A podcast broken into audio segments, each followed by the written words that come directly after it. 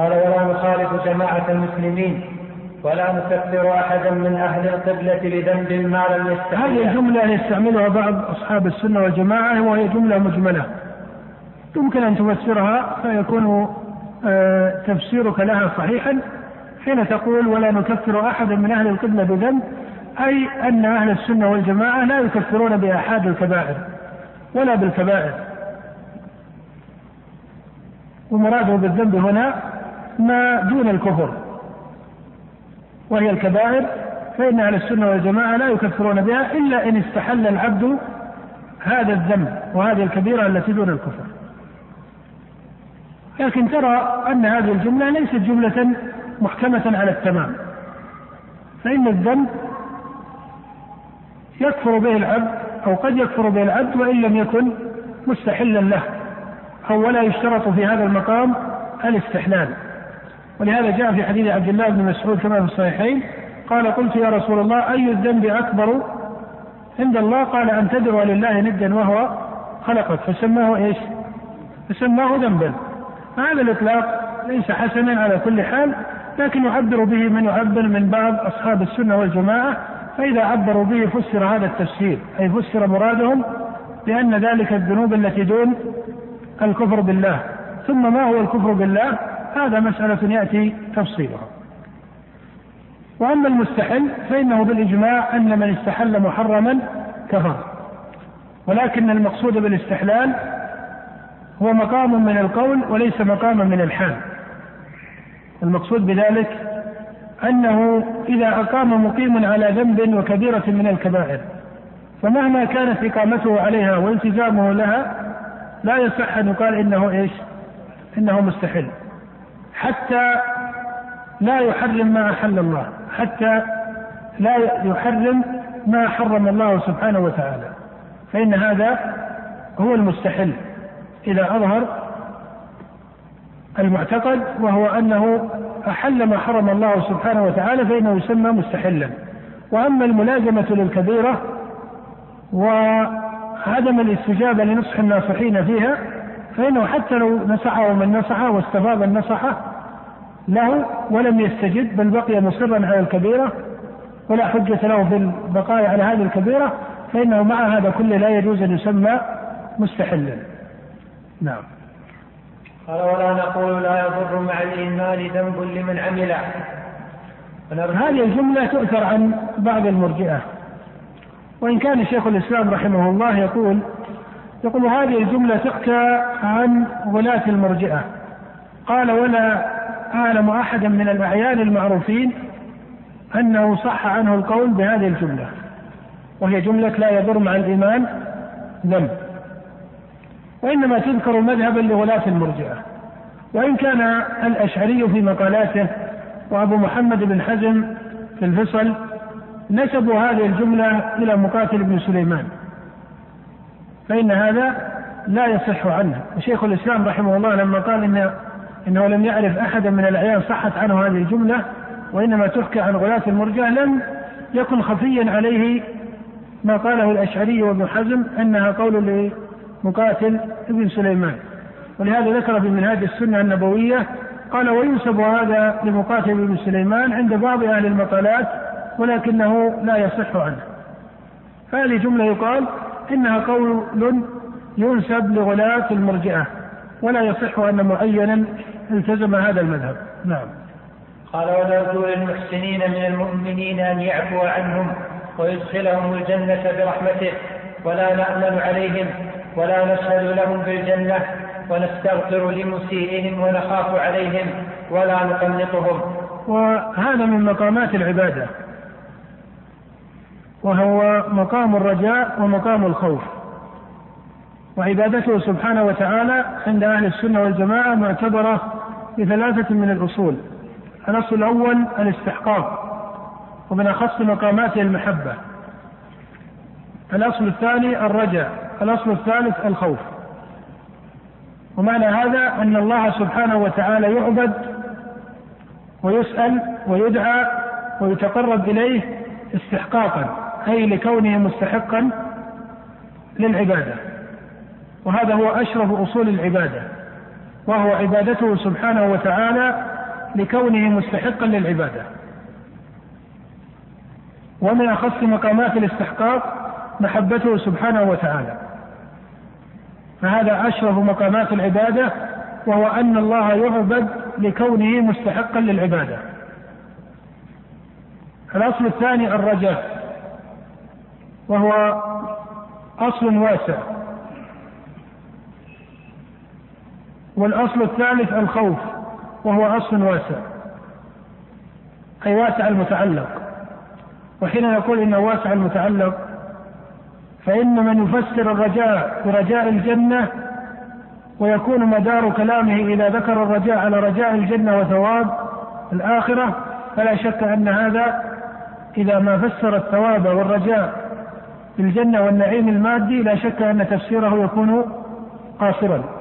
وكذلك من فسر مقام الخوف بعذاب النار أي الخوف من عذاب النار فإن تفسيره يكون إيش؟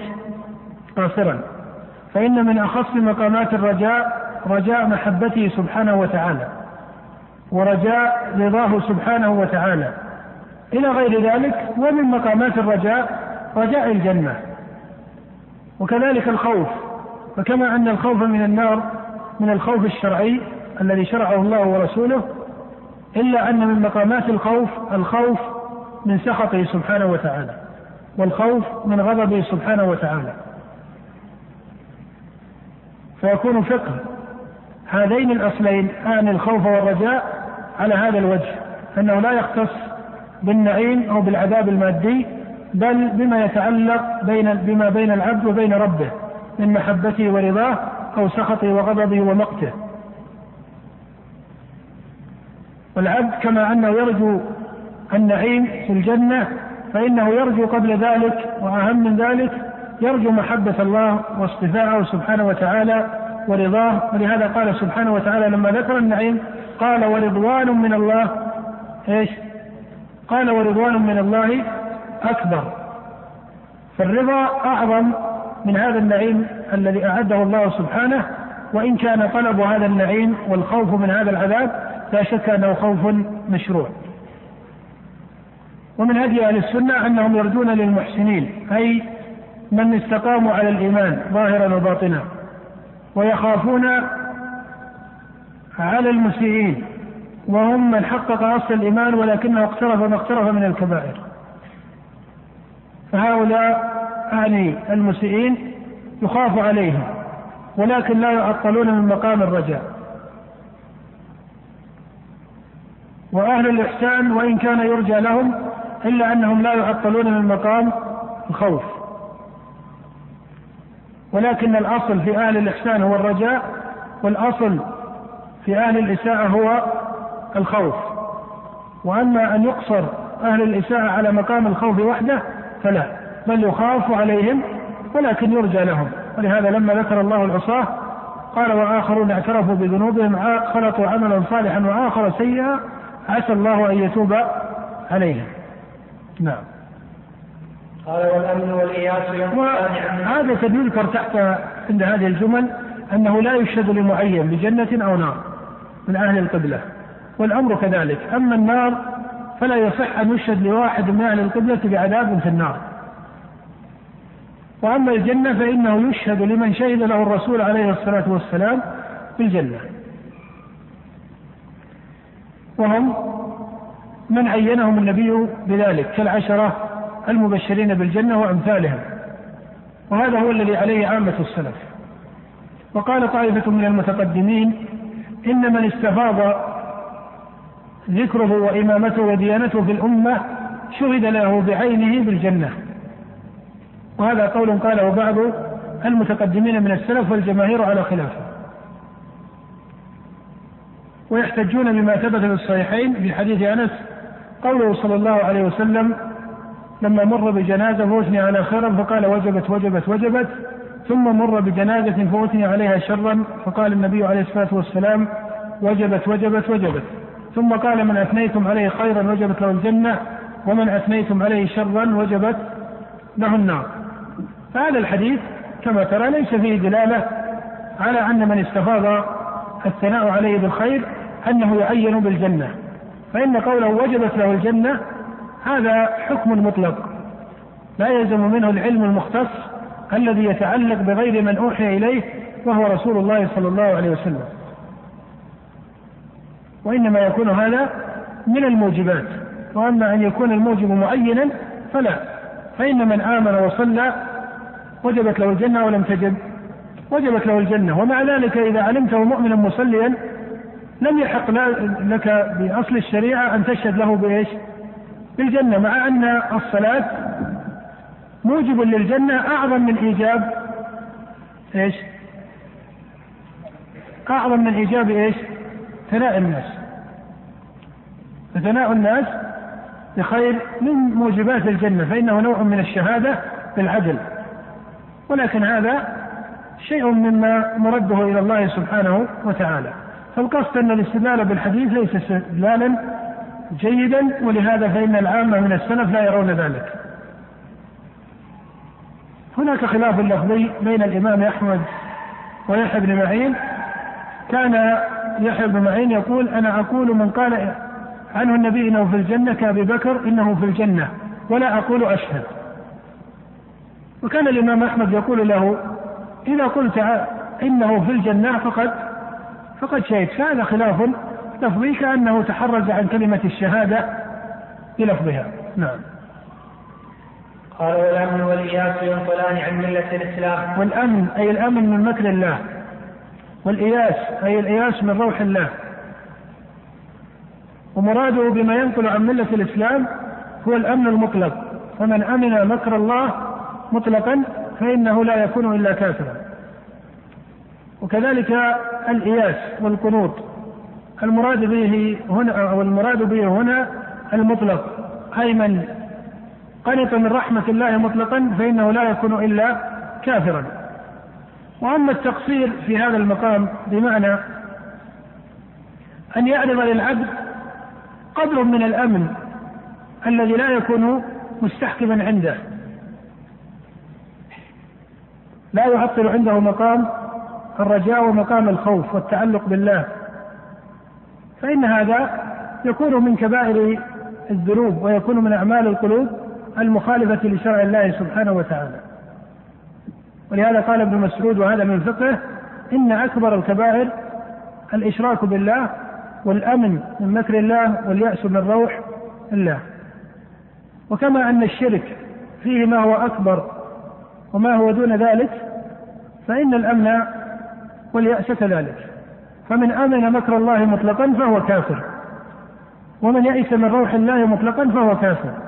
لكن من عرض له بعض أو من عرضت له أحوال في هذا المقام أو هذا المقام لا تنازع وصول الإيمان من كل وجه فإن هذا شيء من أعمال القلوب القاصرة التي يوافي العبد بها ربه على أصل التوحيد والإيمان وقد يكون بعضها من مقامات المعصية ويكون بعضها من مقامات الكبائر. نعم. قال والسبيل الحق بينهما لأهل القبلة. أي الوسط بين مقام الأمن ومقام اليأس وهو الأخذ من مقام المحبة والخوف والرجاء. نعم. قال ولا يخرج العبد من الإيمان إلا بجحود ما أدخله فيه. ظاهر كلام أبي جعفر أن الكفر لا يكون إلا بالجحود وهذه كلمة مجملة. وهذه كلمة مجملة فإن الجحود هنا ما يراد به. ولكن هذه الجملة من أبي جعفر لا شك أنها متضمنة لكون العمل لا يقع به الكفر. وهذا بناء على أصله في مسمى الإيمان أن الإيمان هو الإقرار باللسان والتصديق بالجنان وهذا هو أحد أقوال المرجئة وإن كان هو أحسن أقوال المرجئة وأقربها إلى السنة والجماعة وهو القول الذي قاله حماد بن أبي سليمان وتبعه عليه أبو حنيفة وطائفة من أصحابه وبعض من مال عن مذهب الأشعري وجمهور أصحابه من الأشاعرة فإنهم مالوا إلى مثل هذا المذهب. وكذلك طوائف من الماتريدية الذين مالوا عن مذهب أبي منصور الماتريدي فإنهم مالوا إلى هذا المذهب تبعا لأبي حنيفة والمشهور عند أئمة الحنفية.